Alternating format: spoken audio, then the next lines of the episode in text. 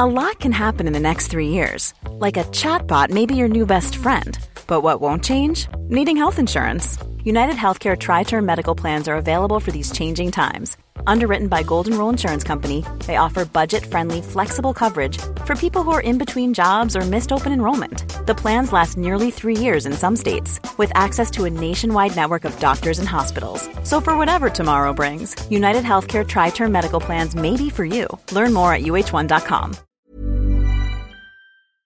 Hormoner är en naturlig och livsnödvändig del av kroppen. Ändå finns det en stor okunskap kring hormoner och vi märker att många inte känner till hur menscykeln eller olika preventivmetoder fungerar. Den här okunskapen kan skapa en rädsla för hormonbehandlingar eller hormonella preventivmetoder och också göra det svårt att veta om och när man ska söka vård för mensrelaterade besvär. Hormoner diskuteras ofta i media, men ibland saknas en vetenskaplig grund för informationen och osanningar och myter sprids och får fäste. Vi på Babys podcast tror att kunskap kring kroppen och dess funktioner bidrar till en stärkt självbild och ett ökat välmående hos kvinnor. Det är ju just därför vi gör den här podden. Kunskap är makt helt enkelt. Därför vill vi tipsa om en hemsida där du kan få den vetenskapligt grundade fakta du behöver och förtjänar. Hormonguiden.se är ett initiativ av Gedeon Richter och är en hemsida framtagen i syfte att öka kvinnors kunskap om hormoner. Som barnmorska och gynekolog gillar vi verkligen den tydliga informationen med bra bilder, strukturerad genomgång av menscykel och preventivmedel. Gör dig själv en tjänst och skaffa dig mer kunskap om din kropp och dina hormoner. Besök hormonguiden.se. Under nästan 30 år har han förespråkat att nyfödda omedelbart efter födseln ska till mamma för kontinuerlig hud mot hudkontakt. Det vi alla kanske vetat men inte tagit till oss på allvar, framförallt inte vi i vården. Vi har bjudit in barnläkaren specialiserad på nyfödda och forskaren Nils Bergman, för vi vill såklart veta mer om hans forskning och om nollseparation, eller det vi också kallar zero separation. För det vi vet är att nollseparation är bäst för barns hälsa och överlevnad och att separation är skadligt. Men varför, hur och när ska Nils strax få förklara. Varmt välkomna till dagens Babys podcast. Du lyssnar till mig, Karina barnmorska. Och till mig, Rebecka, gynekolog. Och till det viktiga ämnet nollseparation, eller som jag också sa, zero separation, när du strax även ska få möta Nils Bergman.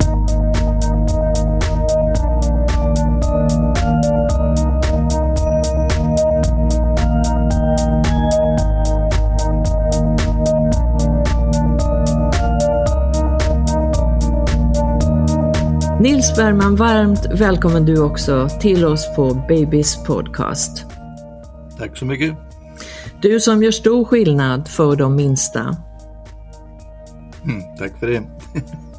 Men du, lite om din bakgrund Nils. Jag sa att du har eh, hållit på med det här, du har forskat i 30 år. Jo, eh, så jag hade inte tänkt bli forskare. Jag började min karriär som eh, missionärsläkare i Zimbabwe.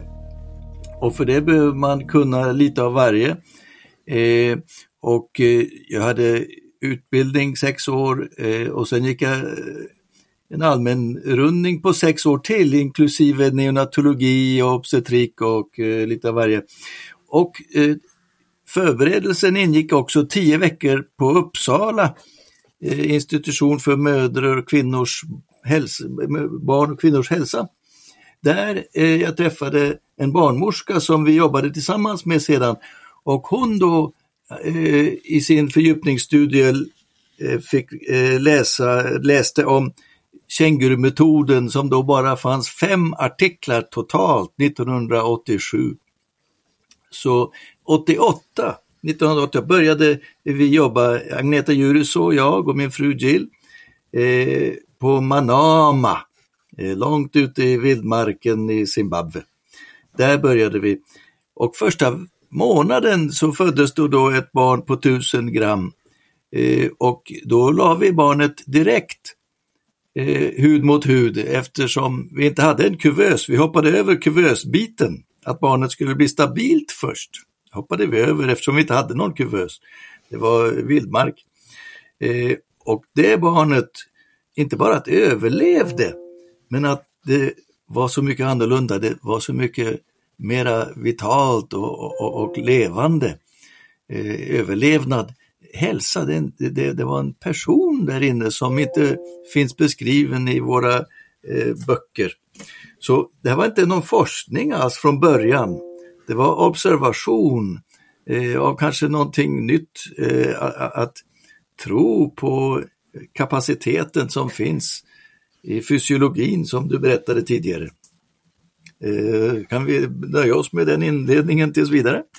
Ja men det är ju fantastiskt. Eh, eh, jag har läst att du har inte bara varit i Zimbabwe, du har varit i, i Sydafrika också och som sagt har jobbat i Uppsala och verkligen är så välutbildad och ägnat många, många åt åt det här som sagt viktiga ämnet som vi har gjort allt för lite av eh, under min tid som, som barnmorska. Vi har separerat barnen och vi har väl vetat att det bästa är, och det vet väl mammor, det är väl ingen mamma som vill släppa sitt barn, antingen ta emot det och ta det direkt till sig eller eh, med hjälp av oss få till det eh, till bröstet direkt. Men, men ändå så har vi Ja, vi i vården har varit dåliga på det. Jag hoppas att eh, med dina föreläsningar som vi nu lyssnar till eh, blir mer uppmärksam på dess alla fördelar. För barn mår ju mycket bättre, som du säger,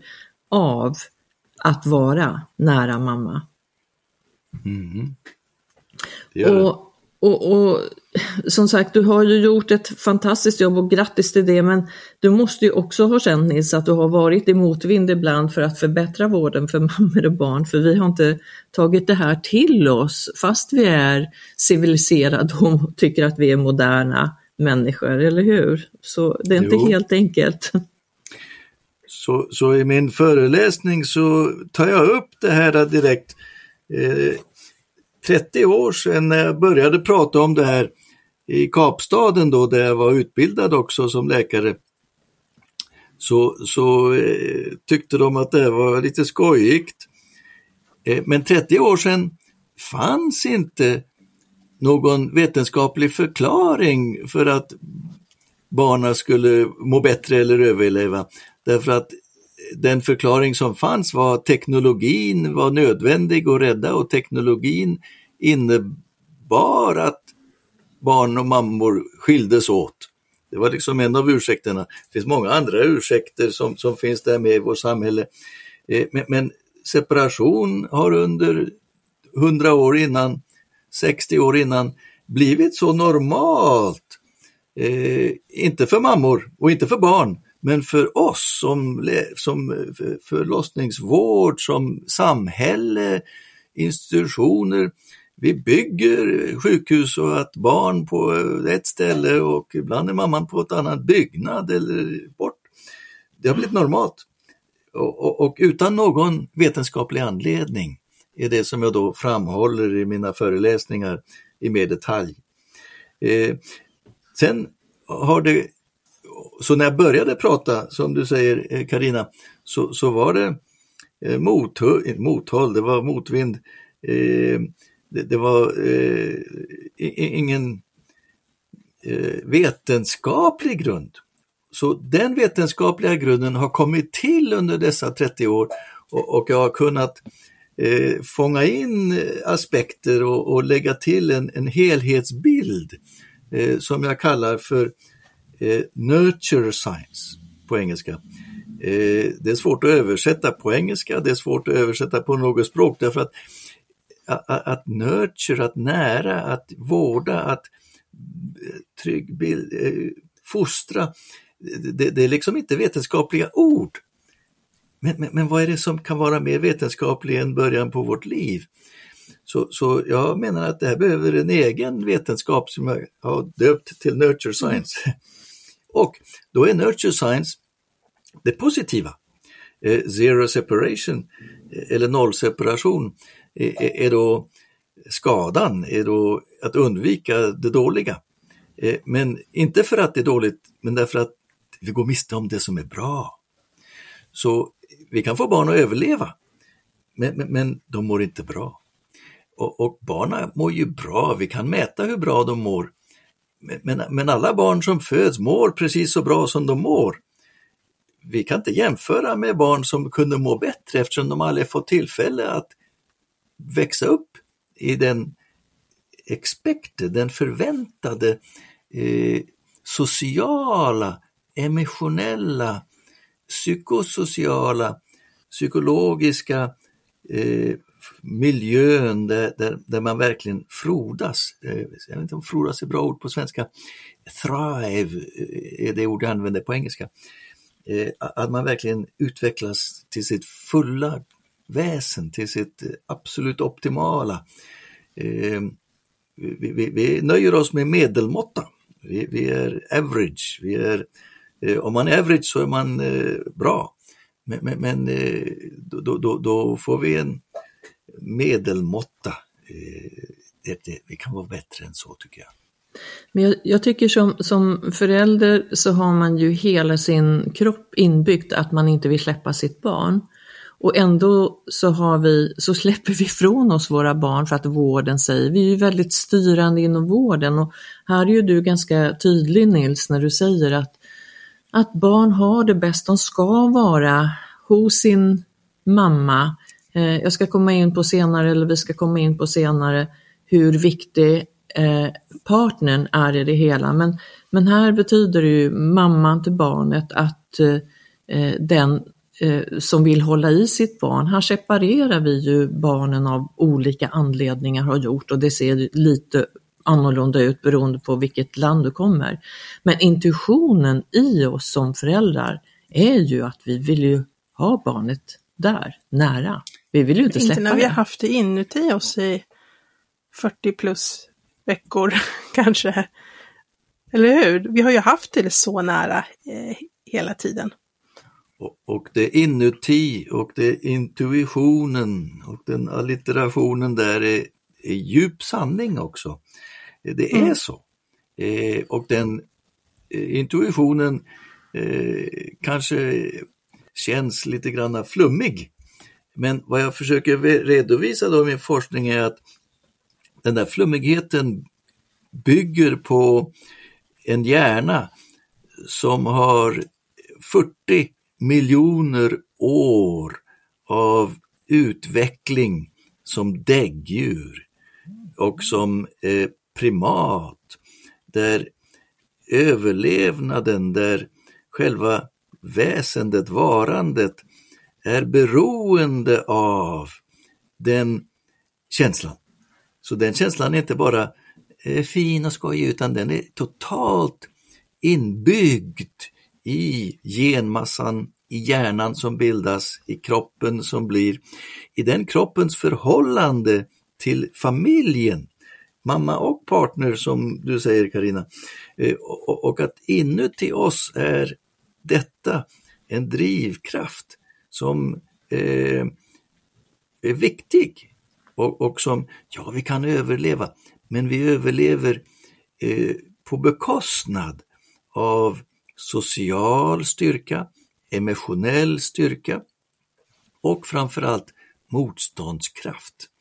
Eh, vi, vi, vi, går miste om långvarighet och uthållighet. Eh, vi går miste om relationer, positiva mänskliga relationer. Detta låter flummigt igen, men, men, men vårt samhälle har varit totalt beroende av att vi är samhöriga, att vi är ett familj, kärna, som håller eh, ihop och, och, och, vårt samhälle har detta i sina värderingsgrunder. Intuition inuti oss, djup värderingsgrund. Och separation kan rubba detta, kan få det att eh, bli försämrat, att bli svagare. Så vad skulle du säga Nils, vad, vad betyder då ordet nollseparation? Ja, rent praktiskt så är ju det en mothugg eh, mot eh, ett beteende av eh, vår vård. vår vård är byggd på makt. Eh, men också på, vi har makt över föräldrarna, vi, vi, vi bestämmer, vi har regler, det står så, vi ska göra så här. Men ibland är det också en rädsla. Eh, vi, vi, vi, vi är vana att göra så här och vi är inte vi är rädda för att göra annorlunda därför att det är vår trygghet i ett visst beteende. Eh, vad betyder sen nollseparation? Först betyder det att det jag van att separera och nu när jag, jag säger noll, då, då, då, då, har jag känt mig tvungen, zero, det, det är ett hårt ord, jag känner mig tvungen att säga ifrån. Så här får vi inte göra. Så, så nollseparation har då en, en, en, djup, en högre eh, innebörd. Rent praktiskt, vad betyder det? Vid födelsen så finns det fysiologiska processer som är totalt beroende av hud mot hudkontakt och luktsinnet. Även hörsel, tre förnimmelser. Hud mot hudkontakt ger rörelse och eh, trycker på C-fibrer som utlöser oxytocin och har värme. Så kontakten ger flera saker samtidigt. Och det är inte en av dem som gäller, det är allihopa tillsammans. Så då kan man säga, men jag separerar barnet och jag ger det mammans röst. Ja, men det är inte mammans röst, det är hela paketet som, som är viktigt.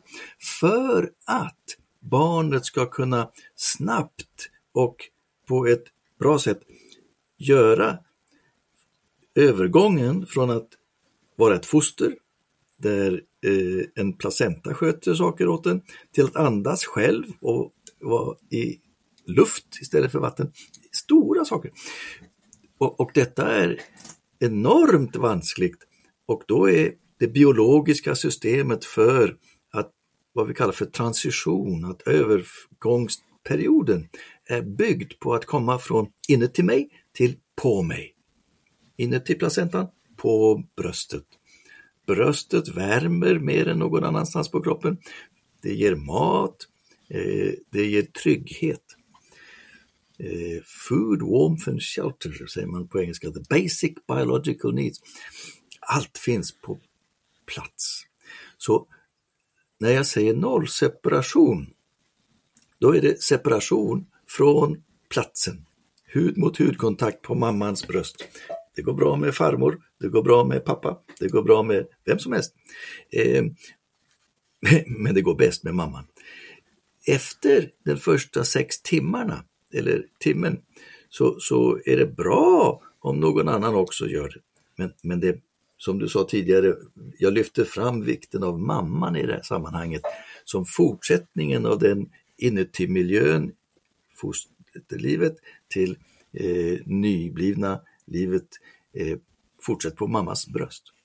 Så vad betyder nollseparation? Jag har tagit en, en, en, en politisk mening, noll, zero, separation, därför att det här är den biologiska förväntningen som finns. Vad betyder det mer praktiskt? Ja, eh, barn kan behöva lite syrgas, eh, fast nu tycker vi sämre och sämre om syrgas, eh, därför att det kan vara för mycket. Ja, de kan behöva omsikt och omhändertagande, men allt sådant är inte ett krav på att göra separation. Så här krävs det, nollseparation kräver en, en ombildning, en omskolning, en omställning i hur vi tänker.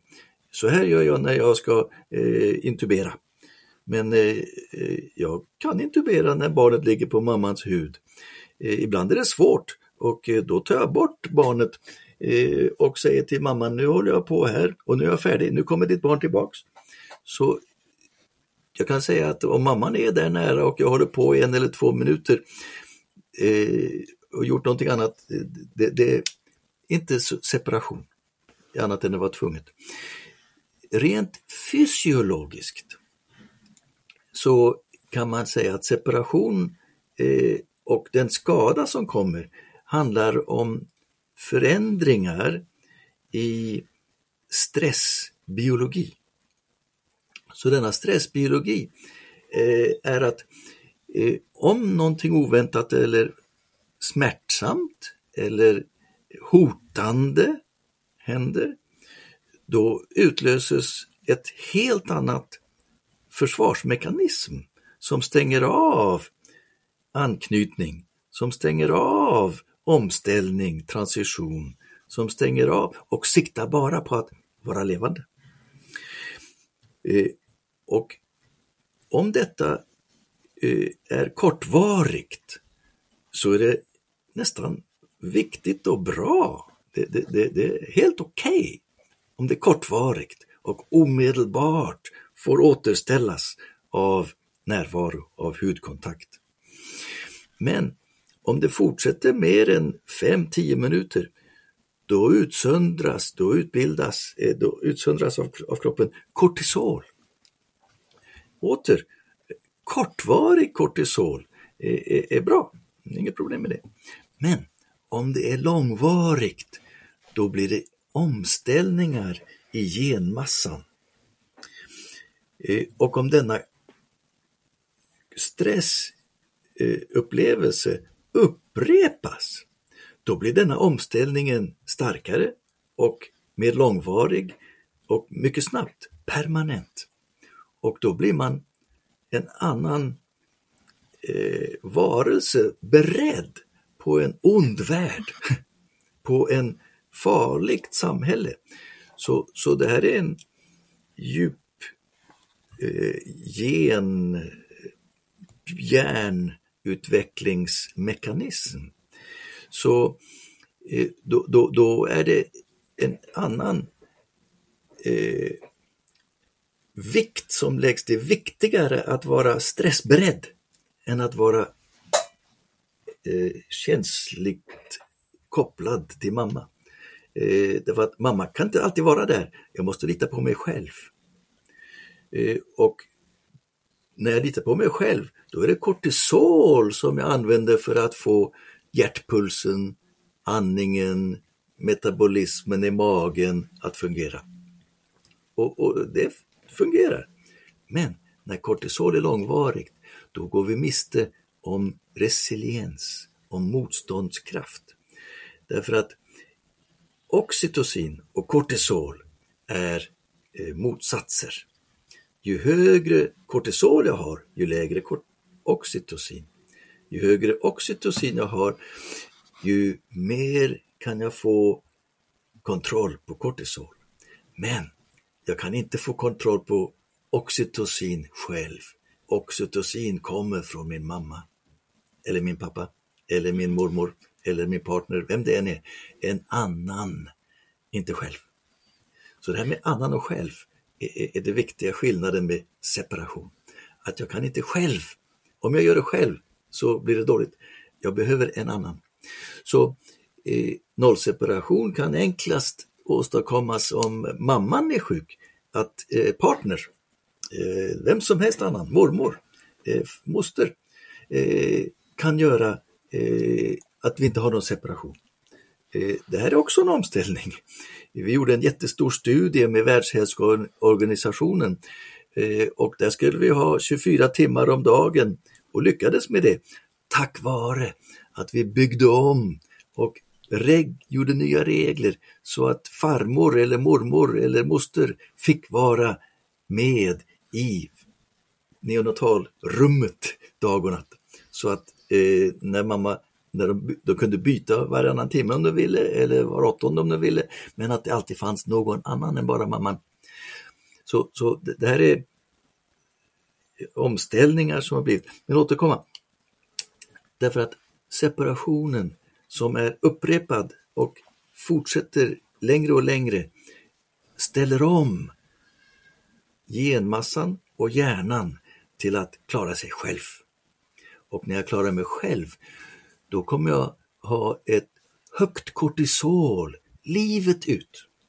Och detta höga kortisolet livet ut gör att jag har sämre förhållanden i mitt samhälle och att jag har sämre fysisk hälsa. Jag kommer få högt blodtryck snarare. Jag kommer få diabetes. Jag kommer få många olika sorters omställningar eh, så, så, som faktiskt kan grundas i detta korta tid av livet. Och det trodde vi aldrig förut. Nej, sa man, gör väl ingenting om man är borta en dag eller två, man ska ju leva i nästan hundra år. Vad gör den där dagen? Den där dagen gör väldigt mycket. Så, så eh, ja, det kan göra denna skillnaden att vi från tidigt skede eh, sen, eh, det, vi kallar det för eh, critical period. Så, så ja, det bryr sig faktiskt. Så nollseparationen är vad vi säger, de första tusen sekunderna har vi kallat detta. Det är den första timmen i princip, 16 minuter, men barnet har ingen klocka eller armbandsur eller sådär. Så att den första timmen är det viktigaste.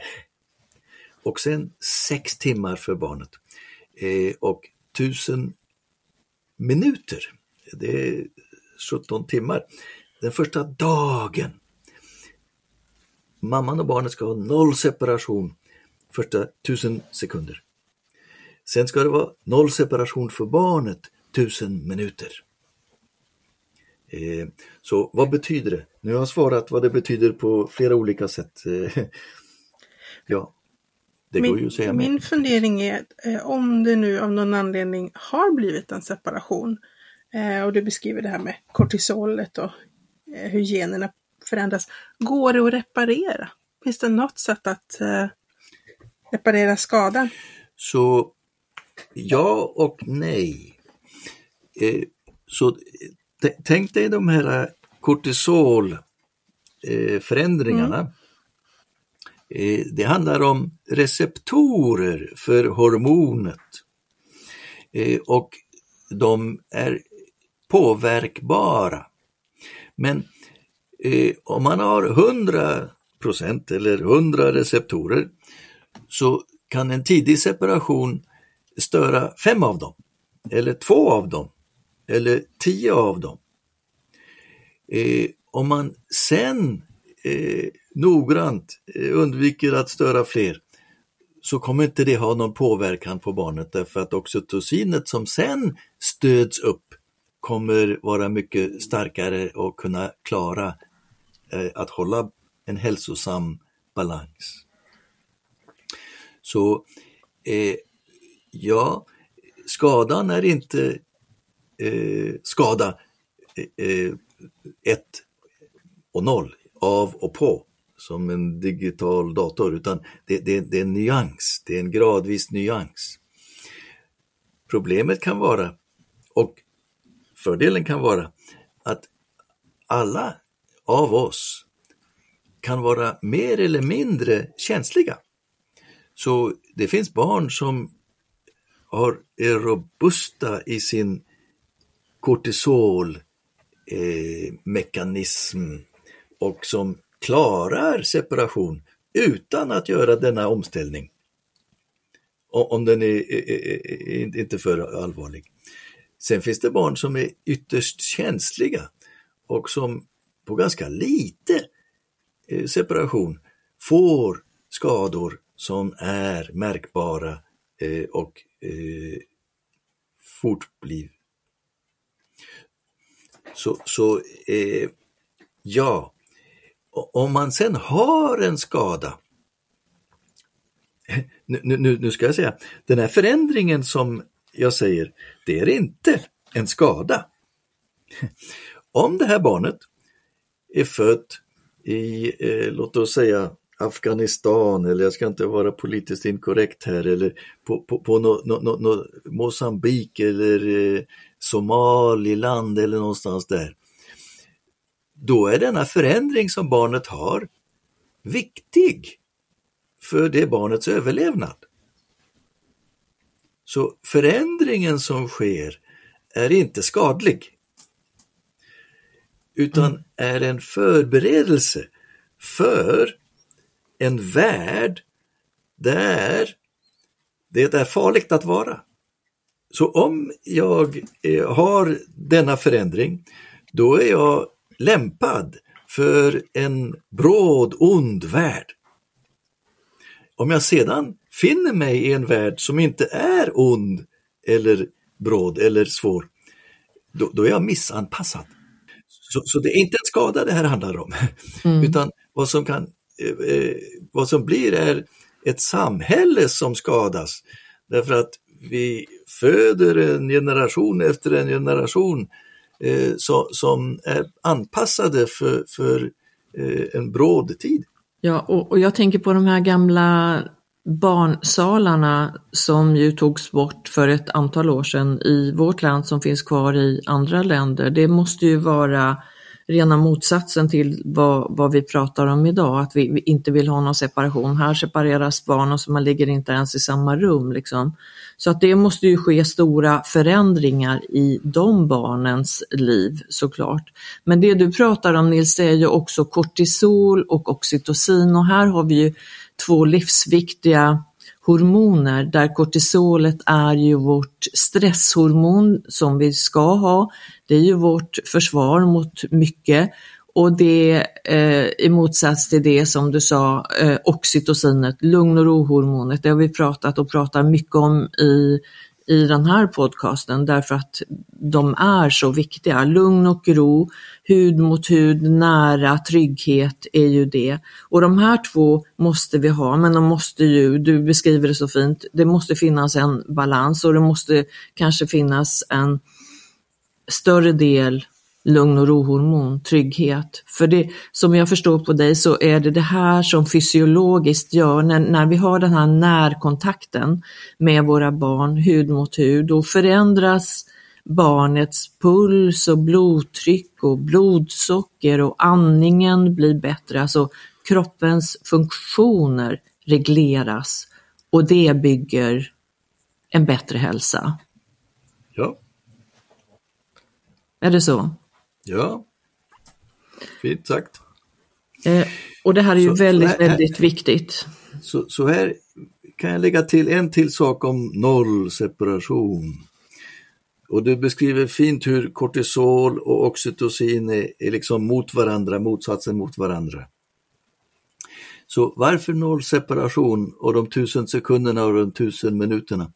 Jo, därför att under de tusen sekunderna så om det är hud mot hud och reglering och oxytocin eh, ökar, då blir det en koppling mellan oxytocin och dopamin. Dopaminhormonet är det som ger glädje, eh, det som ger eh, drivkraft det som ger goda vanor, eh, dopamin och oxytocin kopplas i barnet. Sen behövs det förstärkas efter tusen minuter. För mamman är det exakt samma sak. Men för mamman behövs det faktiskt en hel dag. Det behövs tusen minuter av nollseparation för att hennes oxytocin och dopaminsystem ska länkas, ska kopplas. Eh, man kan mäta denna länkningen på, på MR-studier, det har gjorts. Eh, och, och när dopamin och oxytocinsystemet länkas, då har man byggt i biologisk bemärkelse en föräldrabeteende. Och när dopamin och oxytocin är länkade, då tål inte en mamma att barnet tas bort. Eh, i, I djurstudier pratar man om, på engelska, ferocity of defense of mm. young. Eh, tänk dig en katt Eh, om du tar bort den kattungen när den är nyfödd så, så blir du klöst. Eh, kanske en eh, väldigt tam katt, men, men, men, men, en mamma som försvarar sitt barn är en bra mamma, en god mamma, en mamma vi vill ha. Men vi vill inte ha sådana mammor om de är människor, därför att mammor ska vara snälla och lydiga och göra vad vi säger. Men, men det blir de om de inte får sin dopamin kopplat till sitt oxytocin. Alltså här, så, så. Här, här är ju väldigt viktigt det du säger Nils, att vi har pratat om massa fördelar för barnet, men att mor, eh, partner, föräldrar har också en rad viktiga funktioner, fördelar av att ha sitt barn nära. Just det. Har man tittat någonting på, förutom man tänker liksom det känslomässiga och liksom det psykologiska måendet hos mamman, har man tittat på andra effekter av nollseparation på mamman efter födseln som återhämtning, sårläkning, blödning och så vidare. Jag tänker att det borde ju också fysiologiskt påverkas av dopamin, oxytocin, kortisol och så vidare. Och det stämmer. Eh, men, men den tanken var, var, var, så märklig och oh, eh, sannolik eh, för mina professorer att sådana studier gjordes inte när jag var student och inte när jag var utbildad läkare heller. Och, och bara nu de sista tio åren då det här konceptet ändå har kommit fram lite mer eh, så visar studier att det är faktiskt så. De blöder mindre. Jag hade en artikel här förra veckan. Eh, mammorna blöder mindre. Eh, de Eh, får eh, bättre hälsa. Eh, och, och det finns kortsiktiga fördelar bara för mammans omställning eh, första timmen och första dagen och de sex veckorna. Men även mammans hälsa livet ut. Mm.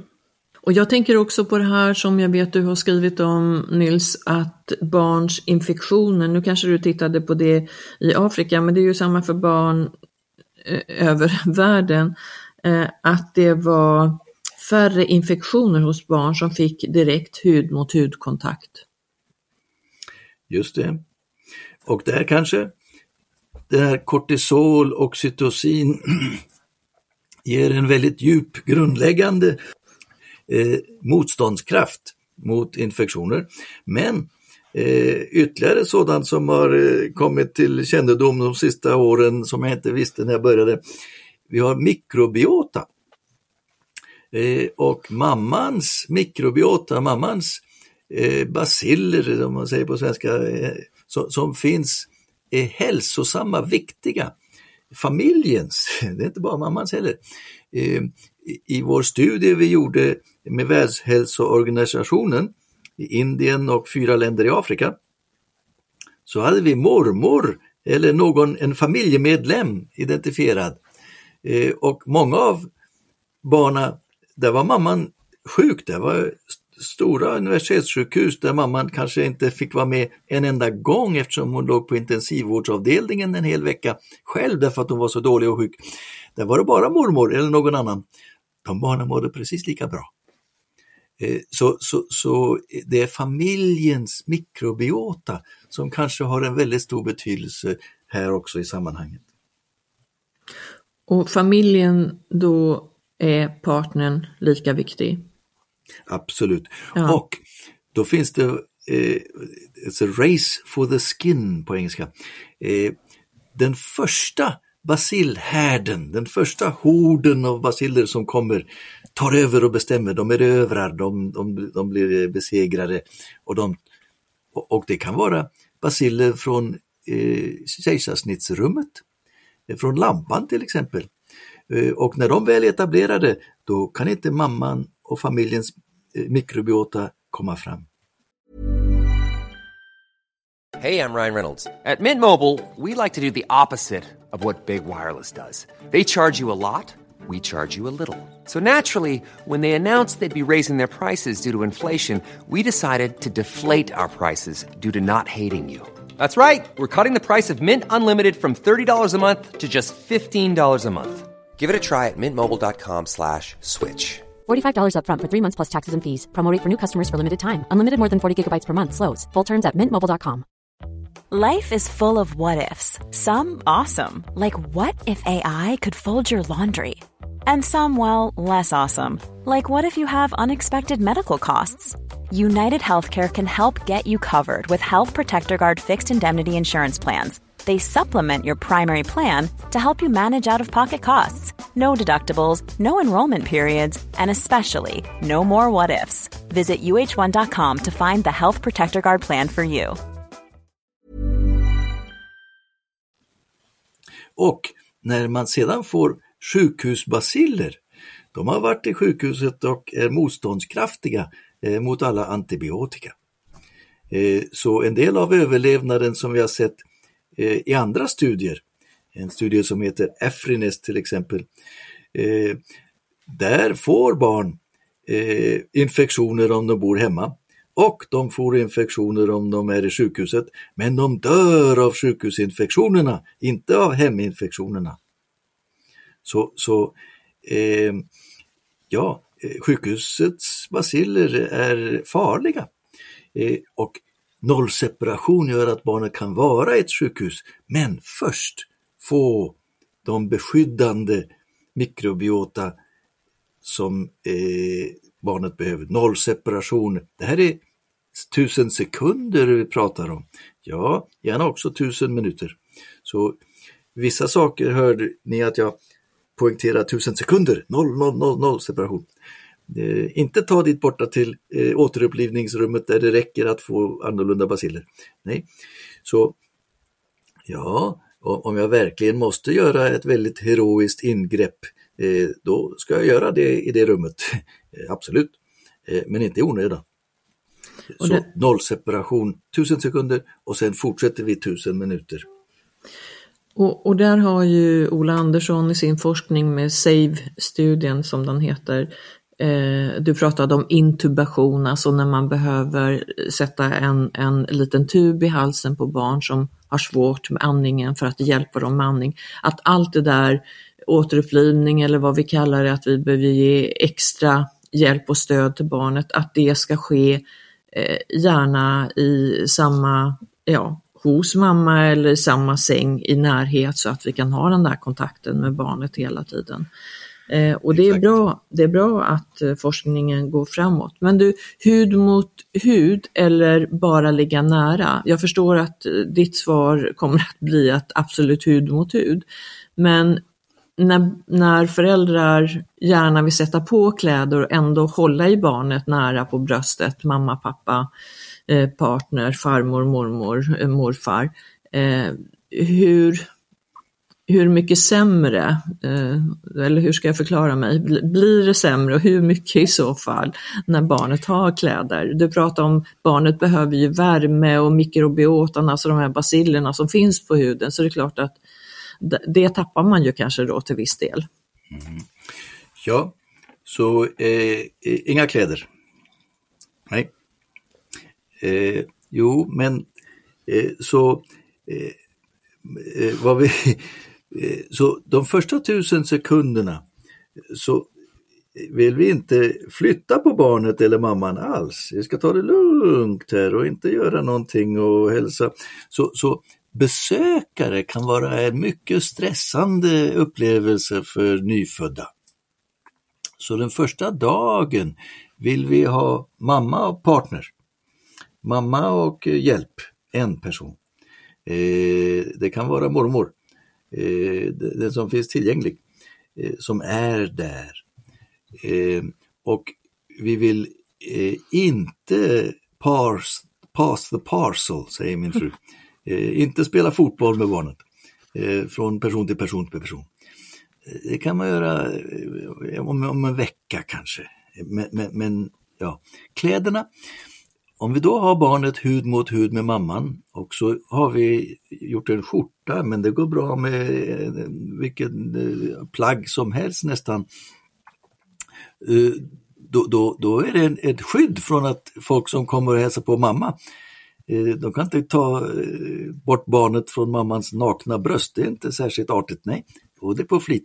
Så då sätter vi barnet på mammans hud mot hud och då ska den vara där. Vi vill inte ha barnets eh, Eh, för mycket kontakt för tidigt.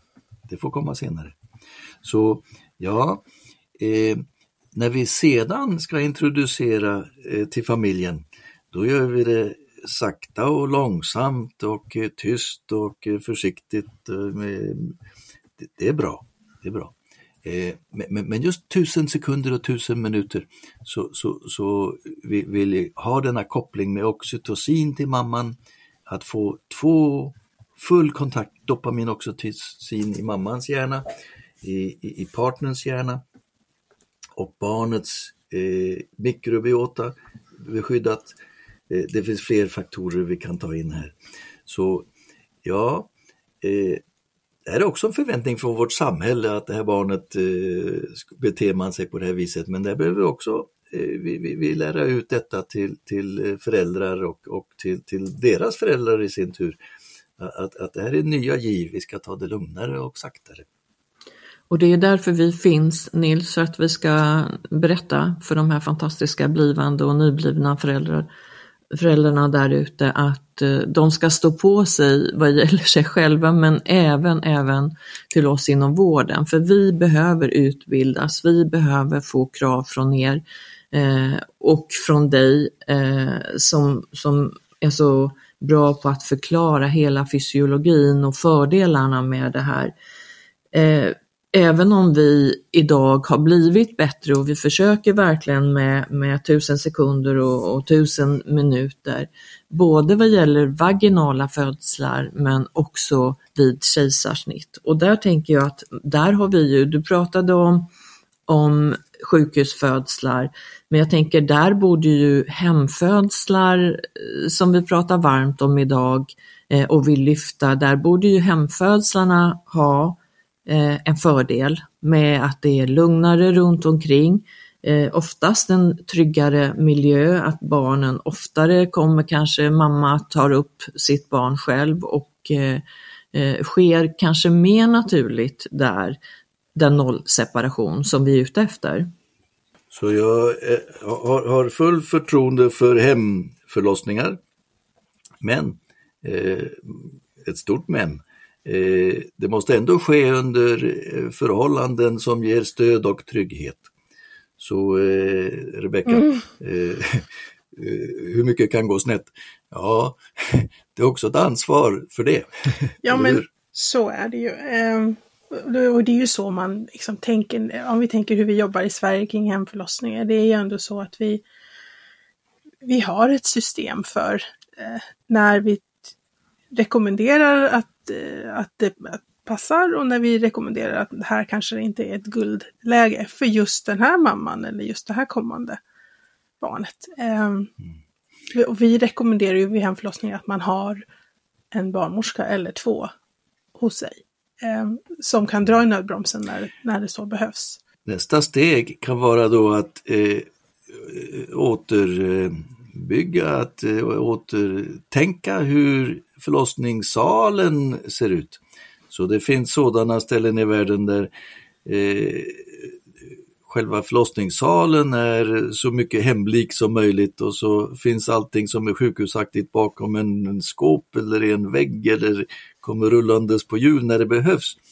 Så eh, det låter ju lyxigt men det är faktiskt billigare i långa sikten att, att, att ha eh, den här mjukare hemliknare vården ger bättre resultat och mindre behov av ingrepp. När ingreppen behövs så behövs de. Det är viktigt, det vill jag stödja Rebecka om. Ja, precis. Och det, jag tror att vi, eh, om man tittar lite grann på hur det har varit historiskt, så det, det svänger ju liksom från det ena till det andra. Vissa decennier så är det det ena som gäller och andra decennier är det det andra. Och jag tror att vi kämpar för att hitta en, en, en balans, liksom, där det utan att mm. tumma på, på säkerhet och friska barn och friska mammor, men ändå att verkligen gynna det naturliga. Och, och det där är en liten dans på lina ibland, liksom, för att få det optimalt. Och sådana här svängningar eh, kan vara jobbiga därför att eh, 20 år sedan så, eh, 10 år sedan till och med, så, så var även vad vi gjorde här i Stockholm Eh, mycket vackrare när det gällde våra småbarn. Så våra små eh, underburna barn. Så eh, till, på, till alla föräldrar som, som, som, som lyssnar på det här. Eh, ibland är det politiker som säger nu har vi inte råd med det här längre. Eh, men, men, men, det är ett fel beslut. Föräldrar vet inom sig, inuti oss, intuition var ord vi hade. Föräldrars intuition stämmer. Och inte därför att de är välutbildade eller att de är pålästa, utan därför att det här är en biologisk uttryck för vad människan behöver. Så eh, det råd vi ger till föräldrar när vi föreläser, vi hade sådana här kurser i Kapstaden regelbundet. Trust yourself. Lita på dig själv. Eh, den här tilliten, eh, den här intuitionen eh, är rätt. Den fungerar. Ja, vi behöver också vara förståndiga och ta råd. Men, men, men djupt inne måste vi lita på oss själva. Och sen måste vi ha ett samhälle som förstår denna eh, reproductive fitness, denna eh, sätt att, att eh, fungera så, så, så att när, när, vi har föräldrar som vill lita på sig själva, att vi också hjälper dem att lita på sig själva och att den tilliten på sig själv eh, belönas, inte belönas, men, men, men ger, ger, ger, resultat, ger, ger eh, gensvar. Eh, så eh, vi vill inte ha en konflikt. Eh, en konflikt är kortisol. Vi vill ha ett samarbete, ett oxytocinförhållande, föräldrar och personal. Men då är det personalen som måste också lita på föräldrarna. Föräldrarna kan lita på sig själva, men personal måste lita på föräldrar så att det blir ett kortisol eh, ur, inte längre med i det förhållandet, utan att personal-förälderförhållandet är ett oxytocinförhållande och då behövs det också att personal kan respektera föräldrars intuition. Det här kanske är lite nytt.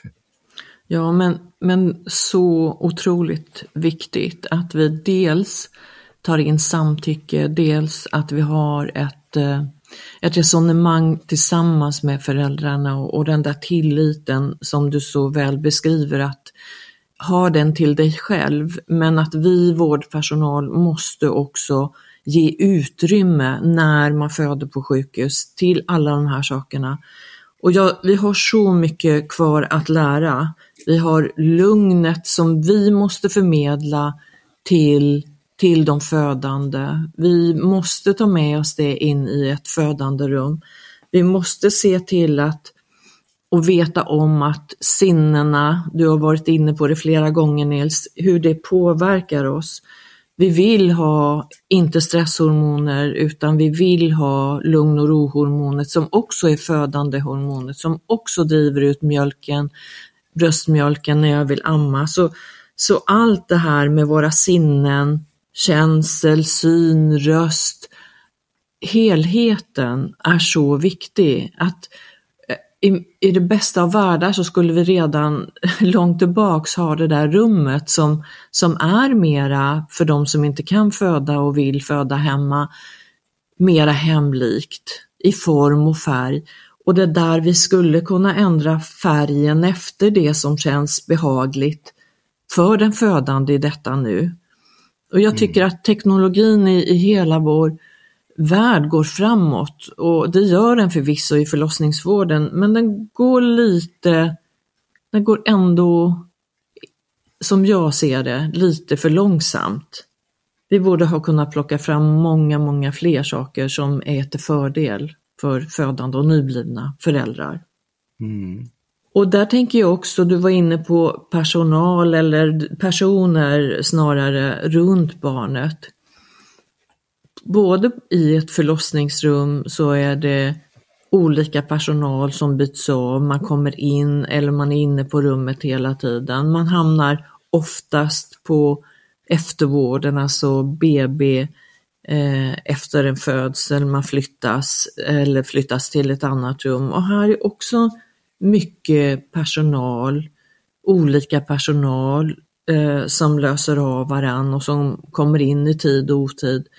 Det här kan ju också störa den här interaktionen mellan barn och föräldrar. Och, och, det är intressant då, jag har varit sjukhuschef en gång i mitt liv. Och, och, eh, då har jag fem barnmorskor för att klara så här många förlossningar eh, och eh, de har tio stycken som jobbar på, eh, på, på eftervård och förvård.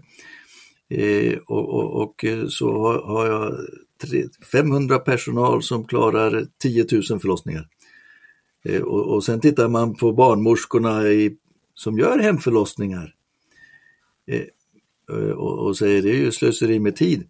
Men, men, men sanningen är att en, en barnmorska som jobbar privat gör fem eller sex förlossningar i månaden.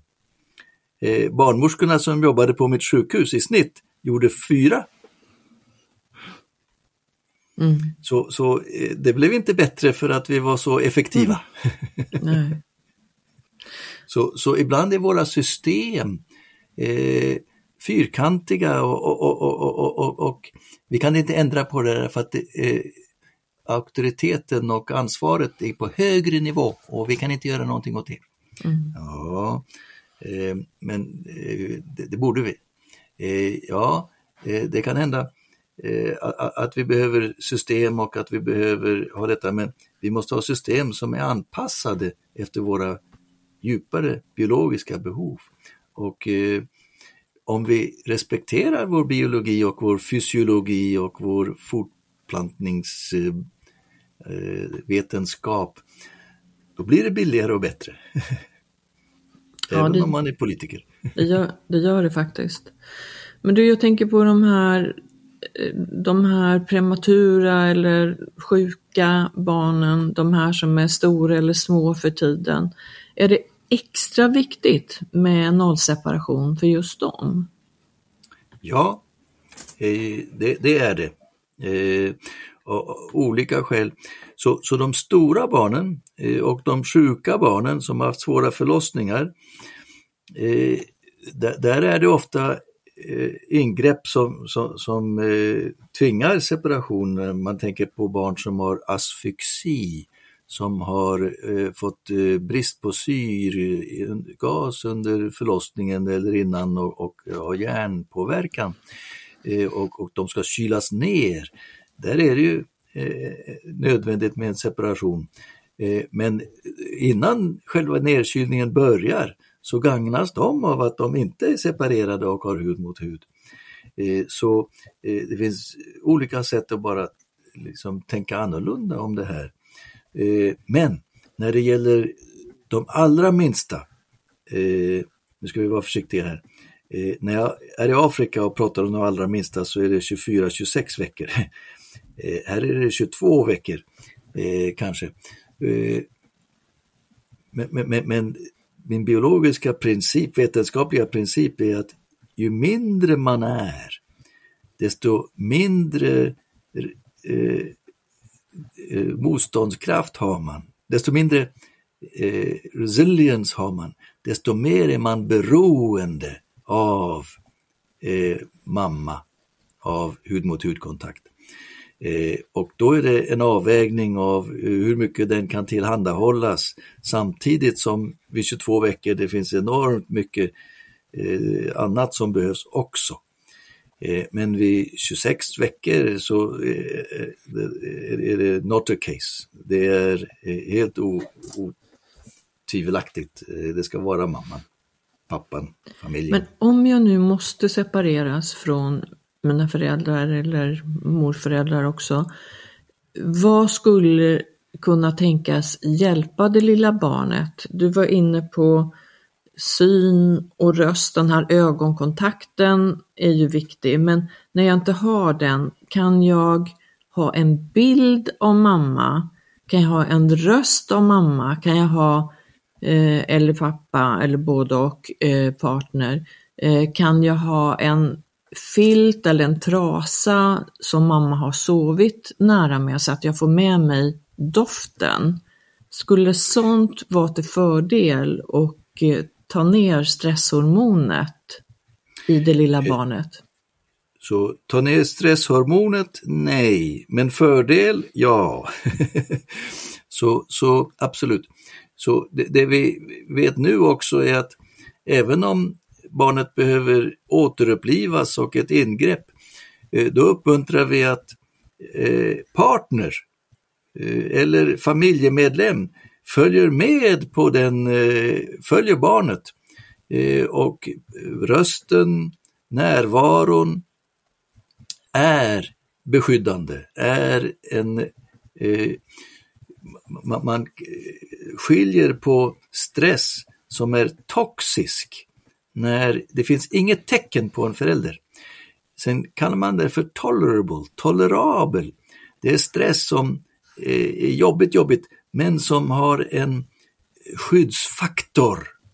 Skyddsfaktorn kan vara lukt, ja, men, men, om den är konstant och inte ändras och eh, eh, sammankopplas med andra smärtsamma upplevelser och tråkiga saker, då, då, då försvinner dess effekt. Så, så lukt och ljud, mammans röst, eh, pappans röst, eh, ögonkontakt kommer bara senare. Eh, när barnet är stressat, då, då blundar den. Den stänger av den delen av hjärnan som letar efter ansikten. Eh, men ljud når fram och eh, lukten och rörelser. Eh, den rörelse mamma går, eh, så eh, hudkontakt. Så eh, kortsiktiga perioder kan man ta bort hudkontakten. Kortsiktiga perioder klarar man sig utan lukten, men om det ska vara långsiktigare, eh, och då, då pratar jag om eh, 30 minuter, två timmar typ, då behöver vi mer än bara en sak som finns där. Och, och, och nu är jag lite grann på the nice, nu är jag lite grann, det, det, det, det är svårt att, att, att, äh, veta, det är svårt att visa forskningsmässigt, utan vad, vad jag då eh, lägger fram är äh, min äh, tolkning av den djupare underliggande neurologiska processerna så, som vi, vi känner till. Och den här toxiska stressen, vad, hur skulle du förklara den lite kort, Nils? Så eh, Formellt så, så sägs det avsaknaden av, eh, på engelska buffering, eh, av beskyddande, av eh, så jag ska ha ett bara bra ord för buffering. Rebecka, Karina, buffering på engelska. Så mm. en förälder eh, ger ett, en, en, en sköld. Stötdämpning. En, en, eh, support. Jag skulle, stötdämpning, skulle jag säga. Att man buffrar lite ja, för kanske. omvärlden. Liksom. Stötdämpning är bra. Om stötarna är oskyddade så skadar de, om de är dämpade så är man skyddad väldigt bra. Ja, mm. den tar vi. Så, så stötdämparen, så, så stressdämparen. Eh, om stress är där men dämpas, då eh, har vi gjort nytta. Ibland kan vi inte undvika stressen, men vi kan dämpa den på så många sätt som möjligt. Och då är det en medveten dämpning. Röst, ljus, ta bort starka ljus, eh, stäckljuset. Eh, och där är lukten väldigt viktig. Eh, och beröring. Så e, e, även e, massage, att pappa eller partner håller i benet eller i foten och pratar. En, en stark stöd för korta perioder. Vi vill inte kompromissa med långa perioder om sådant. Sedan finns det barn som mår så väldigt dåligt att vi har sövt dem eller att vi har gett dem eh, sömnmedel och, och sådant. Eh, och det är också en dämpning så, så, som kan vara viktig. Jag tänker att barn är ju ganska anpassningsbara och är ju bra på att överleva. De är ju starka i sig själva, även de här minsta, minsta små barnen. Eh, så jag tänker att de, de skulle kunna må bra senare i livet också och anpassa sig efter det som har varit även om de har haft en väldigt tuff start. Och det här är lite försiktighetssvar från mig då. De är oerhört anpassningsbara, men, men om de tidigt lär sig att de ska anpassningsbara på egen styrka, då har de tappat resiliens. Då kommer de få den egna styrkan byggd på kortisol som försvarsmekanism och eh, det kan slå slint långsiktigt. Så ja, barn har denna eh, oerhörda styrka, oerhörda tolerans eh, Eh, och, och, och, och, kan verkligen. Eh, men vi ska inte ta det för givet. Eh, vi kan eh, falla tillbaks på den, eh, men vi vill dämpa deras stress. Eh, inte låta dem bli mästare av stress själva, för att då kommer de inte ha den motståndskraft som kommer från dopamin och oxytocin, utan de kommer att bli kortisolpräglade. Mm. Så till, så um, vi jobbar hårt för att man ska helst vara med mamma, för annan, annan förälder, partner. Och som du sa, det går bra med morföräldrar, farföräldrar också, eller någon annan i omgivningen som kanske medföljer. Det går jättebra med vem som helst annan som vill fortsätta. Eh, jag kan inte bara hyra någon från gatan som är väldigt vänlig och gör detta anställd eh, då och då. Nej, utan det ska vara någon som jag anknyter till. Det ska vara någon som jag gör en bindnings, bindning till. Det ska vara någon som, som, som jag eh, blir del av familjen. Därför att den här oxytocinet känner igen trygghetsmänniskor. Så ja, det ska vara eh, vem som helst i familjen som också eh, satsar eh, eh invests, eh, vad säger man svenska, så, så, som säger jag, jag, är del av familjen, jag är del av det här barnets liv. Helst. Mm. Mm. Vad fint att du säger det. Då kanske vi påminner många där ute om att fortsätta den kontakt som man startade upp vid födseln när föräldern eller föräldrarna inte hade möjlighet själva. Och, och det blir en stor belöning också för den personen. mm. eh, på Danderyds sjukhus där jag är verksam, där har vi eh, för ett eh, bra tag sedan startat med bärtuber.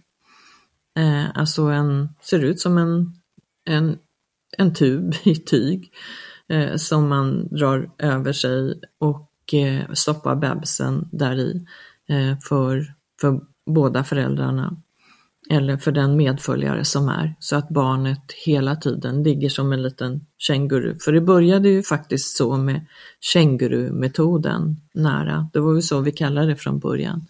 Och där vill vi ju att den helst ligger hela tiden och då säger ju många att vi har inte de här vagnarna längre hos oss, eh, förutom där vi har någon förälder som, som absolut vill ha eh, eller att ja, det kräver det helt enkelt, utan vi har små bed in bed istället eh, för att ha en variant till, till den här eh, närheten och bärtuben, barnet på bröstet. Men många föräldrar säger ju att barnet vill inte sova eller ligga i den här bed in bed och då försöker vi förklara precis det här som du så fint förklarar för oss Nils, att barn gråter för att det är ju en signal på att jag vill vara nära dig mamma, dig pappa, partner. Eh, jag vill vara nära eh, och jag vill bli buren och vara hud mot hud. Och barn är ganska bra på att säga ifrån att de inte vill vara där själva, även om de ligger väldigt nära föräldrarna, så vill de ligga på föräldrarna. Ja. Kloka varelser från början. Ja. Men nu orkar man ju inte hela, hela dygnet kanske ha barnet. Du, du nämner tusen sekunder och tusen minuter som, som de absolut viktiga och sen så länge som det bara går. Men ibland om, om vi måste lägga ifrån oss barnet en liten stund, hur skulle du säga är det bästa sättet? Är det en sån här bed in bed där man ändå kan lägga en hand eller eh, någonting på barnet så att barnet på så vis kan fortfarande känna min doft och min hand. Så det är kanske ett steg tillbaks, det är lite olika med, med små barn, eh, med, med, eh, med med barn som är eh, lågviktiga och eh, tidigt födda. Eh, där eh, vill vi ha denna hudkontakt längre. Så där har vi också utvecklat en, en, en annan eh, plagg eh, än den där tuben. Eh, och det viktiga där är att plagget eh, skyddar luftvägen. Den håller huvudet fast mot bröstkorgen så att barnet aldrig eh, får luftvägsstopp, att den kan andas tryggt. Och då uppmuntrar eh, det gjort för att mamman eller eh, vem som helst ska kunna ge hud mot hud och sova samtidigt. Och då, då har vi ett sätt att få längre hud mot hud-perioder just för dessa mindre barn där vi tycker att det är mycket, mycket viktigare. När det är större barn eh, så eh, eh, eh en del stora barn gör hud mot hud en dag och sen vill de inte ha det här längre. De har klarat den biten och de vill ha Eh, öga-öga-kontakt. Det är nästa utvecklingsbit efter hud mot hud, så är det öga-öga. Eh, andra barn vill ha hud mot hud lite längre, det är en stor variation där. Eh, väldigt stor. Så vi vill inte vara för stränga eller för säga gör så här och så här. Om vi har fått de där tusen minuterna då vill vi också lita på att mamman och barnet förstår varandra och varandras behov och hitta lösningar på att eh, tillgodose de behoven. Eh, nu ska jag se om jag kan svara din fråga, vilket var? Eh, hur ska vi göra? Så ja, eh, närheten är ändå att mammans röst finns där. Eh, så eh, vårt första steg, brukar säga när man ska vidare från hud mot hud, är att barnet ska ligga så pass nära att det kan lukta mamma och så pass nära att mamman kan nå barnet. Eller eh, partner, familj. Eh, och eh, så den, den eh, vanliga och sen ska det vara eh, sensory support, det ska vara eh, ljud, inte för mycket väsen och det ska vara lite mörkare och så vidare. Eh, och sen eh, en bit vi inte har nämnt i det här sammanhanget är att eh, vad vi också vill lära föräldrar då, få små barn men även andra barn, är att förstå barn att barn sover. Eh, det visste ju vi, va? men de sover en timme och sen vaknar de och eh, behöver ha få kontakt och, och, och, mat och omvårdnad. Så barnets sömncykel, eh, om vi så vet vad sömncykeln är, då kan man anpassa dessa perioder då barnet ändå sover. Så, så att man vet om att barnet sover, vaknar och gör kontakt, eh, vill amma eh, och somnar igen. Eh, så eh, då är det med denna medvetenhet om vad vi kallar för state organization, barnets vakenhetsgrad och eh, sömn, eh, att man då ger omvårdnad till barnet därefter och sen när barnet sover och har somnat eh, så är det rätt tid att lägga ner det. Eh, med då lukt eh, och, och, och, och trygg omgivning. Har jag svarat på frågan? Ja, det tycker jag att du har gjort. ja, fantastiskt. Ja, det finns mycket Nils att säga om det här. Jag tror att vi har mycket kvar att lära som vårdpersonal. Det är där jag är och Rebecka är också. Jag ser att det sker en förändring i vården och tack vare dig och din forskning och, och eh, vi gratulerar ännu till det fantastiska jobb du gör, för det är inte lätt för dig med alla eh, Eh, föreläsningar, alltså föreläsningarna i sig är fantastiska, du gör ett otroligt jobb där, men att eh, det tar lång tid att förändra vården, det är mer så. Men vi är på väg och eh, jag hör runt om mina kollegor hur de pratar och hur vi pratar med varann om vikten av det här som vi kanske har förstått varit för vissa självklart, men ännu mera självklart idag. Så att nu ska vi bara fortsätta i den här riktningen. Jag vet du pratar också, kanske vi inte har så mycket tid kvar idag att ta upp det, men, men också att det är så många fördelar med att inte separera, separera mor och barn eh, vid de tillfällen där det går och att det är så mycket fördelar även eh, hos de som önskar amma sitt barn. Eh, här pratar vi återigen om, om den här hudkontakten, eh, oxytocinet, närhetshormonet, lugn och rohormonet, det som gör att du föder barn men också som drar ihop livmodern, som minskar blödningen och som driver ut mjölken och som påverkar anknytningen och så mycket annat fint. Så vi, vi ska jobba för det här och eh, jag vet inte avslutningsvis om, om du vill kort summera Nils eller om du har något mer som du skulle vilja lyfta. Mm. Tack Karina. Och, och, det skulle vara att säga eh, tack för eh, vad du just har sagt eh, och eh, Rebecka som eh, är eh, på eh, gynekolog och jobbar på den biten. Tack för att eh, ni har tagit er an detta och eh, för detta tillfälle att eh, få prata om det. Eh, och, och, och, till eh, föräldrar som lyssnar på det här eh, skulle jag säga eh, det, det, det, här är, det här är riktigt. Eh, Noll separation. Eh, det är ditt barn, det är ert barn. Och vi vill inte bara att barn ska överleva, det kommer det göra. Men ni vill att det ska verkligen ska leva leva fullt, leva helt, leva maximalt, leva optimalt, då är det ert ansvar också och det är zero separation första dagen, första tusen sekunder, tusen minuter. Eh, ni får enormt tillbaka från detta. Det är en satsning ni kan göra. Lycka till! Tack snälla Nils Bergman för alla fina och viktiga ord och denna föreläsning som vi fick även mm. idag Rebecka och jag. Tack Stort snälla. tack för det. Tack, tack.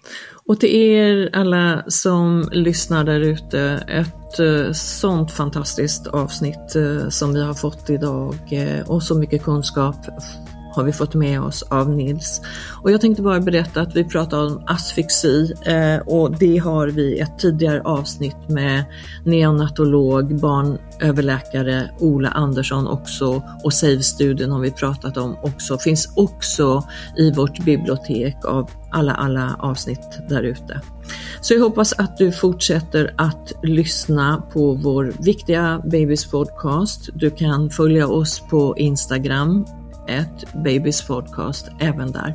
Så vi hörs snart igen. Ta väl hand om dig och ditt barn så hörs vi snart igen. Hej så länge!